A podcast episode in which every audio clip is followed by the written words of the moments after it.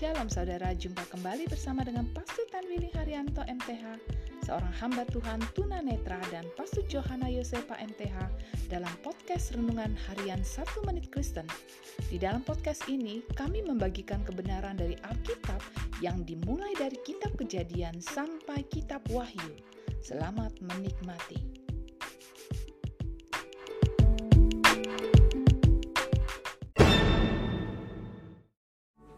Shalom saudara-saudara yang sangat berharga di hati Tuhan. Hari ini firman Allah mau mengingatkan kita, janganlah marah saat mengambil keputusan. Untuk mengejar orang Israel yang telah meninggalkan Mesir, maka Raja Fir'aun mempersiapkan kereta perang dengan tentaranya, termasuk 600 kereta kuda istimewa dengan para perwiranya. Harapannya adalah dapat dengan segera membawa kembali orang Israel ke Mesir. Namun akibatnya mereka semua tenggelam di Laut Tiberau. Saudaraku, ingatlah di dalam mengambil keputusan, janganlah marah, sebab akan merugikan diri kita sendiri.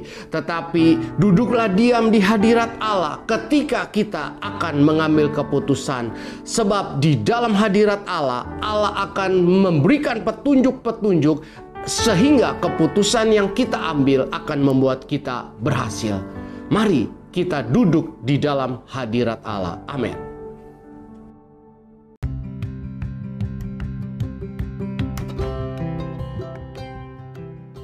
Terima kasih saudara telah mengikuti podcast Renungan Harian 1 Menit Kristen.